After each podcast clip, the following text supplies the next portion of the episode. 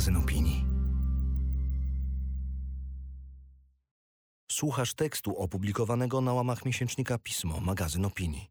Na stronie magazynpismo.pl znajdziesz więcej inspirujących treści, także w wersji audio. Wykup prenumeraty, aby zyskać dostęp do wszystkich artykułów, ilustracji i nagrań. Mateusz Resler. Apteczka. Co w niej trzyma Rachel Fallon. Apteczka. Jeszcze do niedawna pytanie o zestaw obowiązkowy złożony z najważniejszych książek, reprodukcji, obrazów, filmów i płyt brzmiało niewinnie. Dziś nie ma już tylko abstrakcyjnego wymiaru. Co okazuje się naprawdę ważne, gdy tuż za rogiem tak wielu opuszcza swoje domy jedynie z tym, co uda im się unieść, a inni, bardziej niż kultury, potrzebują pomocy medycznej. Z czego składa się kulturalna apteczka irlandzkiej artystki wizualnej Rachel Fallon?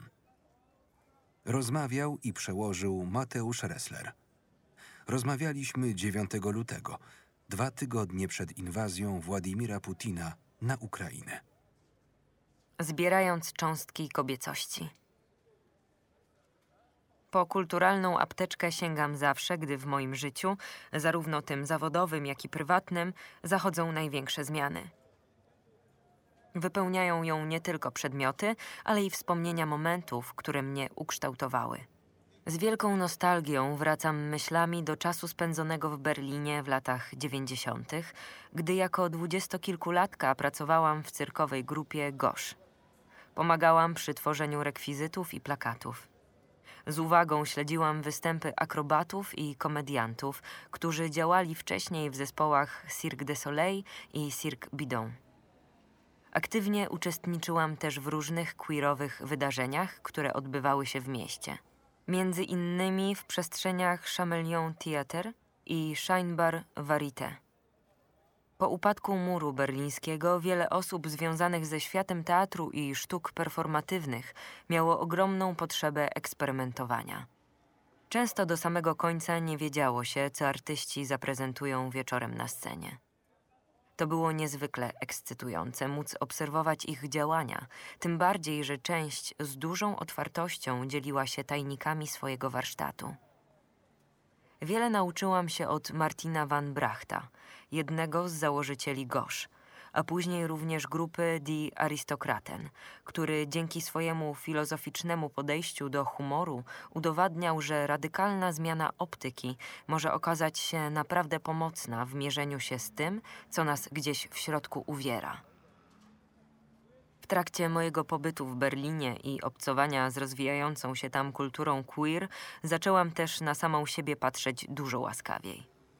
Zrozumiałam, że nie muszę już wybierać między binarnymi archetypami kobiecości, które nawet dziś są powszechnie przypisywane Irlandkom w konserwatywnych środowiskach i na które uczyłam się zwracać uwagę także w trakcie studiów filmowych, gdzie badałam sylwetki kobiet w kinie. Teraz już wiem, że mogę pomieścić w sobie zarówno cechy twardej businesswoman granej przez Joan Crawford w Mildred Pierce, jak i emanującej seksualną energią w kwiecie kaktusa Goldie Hawn, mimo że zdecydowanie bliżej mi do tej pierwszej. Tak wyglądały moje pierwsze lekcje feminizmu. Świadomie byłam w stanie określić się mianem feministki, jednak dopiero po urodzeniu dzieci. Potrzebowałam czasu, by dostrzec, że to, co wydawało mi się jednostkowym doświadczeniem, ma wymiar kolektywny. Zaczęłam angażować się twórczo w działania grup takich jak Kampania Artystek na rzecz zniesienia ósmej poprawki. Galerię prac irlandzkiego kolektywu, którego celem było wsparcie kampanii pro-choice, przed referendum z 2018 roku. Publikowaliśmy w piśmie w grudniu 2021 roku. Czy Desperate Artwives platformy umożliwiającej promowanie prac kobiet decydujących się na macierzyństwo. Wierzę w siostrzeństwo, a wspieranie takich inicjatyw daje mi nadzieję, że w świecie sztuki wciąż jest miejsce dla matek i kobiet, których pozycja społeczna uległa zmianie. Ważna część mojego kulturalnego niezbędnika to lektury feministyczne. Wracam do publikacji badaczek. Andrzej O'Reilly, Griseldy Pollock i Marine Warner. Ostatnio czytam autobiografię Mary Harris Jones, znanej także jako Mother Jones, amerykańskiej działaczki związkowej z przełomu XIX i XX wieku, walczącej o prawa robotników i dzieci pracujących w kopalniach. Twórczości kobiet przyglądam się też w sztuce. Inspirują mnie młode irlandzkie artystki jak Cecilia Bullo, ale i te znane na całym świecie. Paula Rego, Doris Salcedo czy nieżyjąca już polska rzeźbiarka Alina Szapocznikow, której retrospektywną wystawę miałam okazję oglądać kilka lat temu w Yorkshire Sculpture Park. Już wcześniej interesował mnie sposób, w jaki wykorzystywała wosk w odlewaniu i kształtowaniu sylwetek.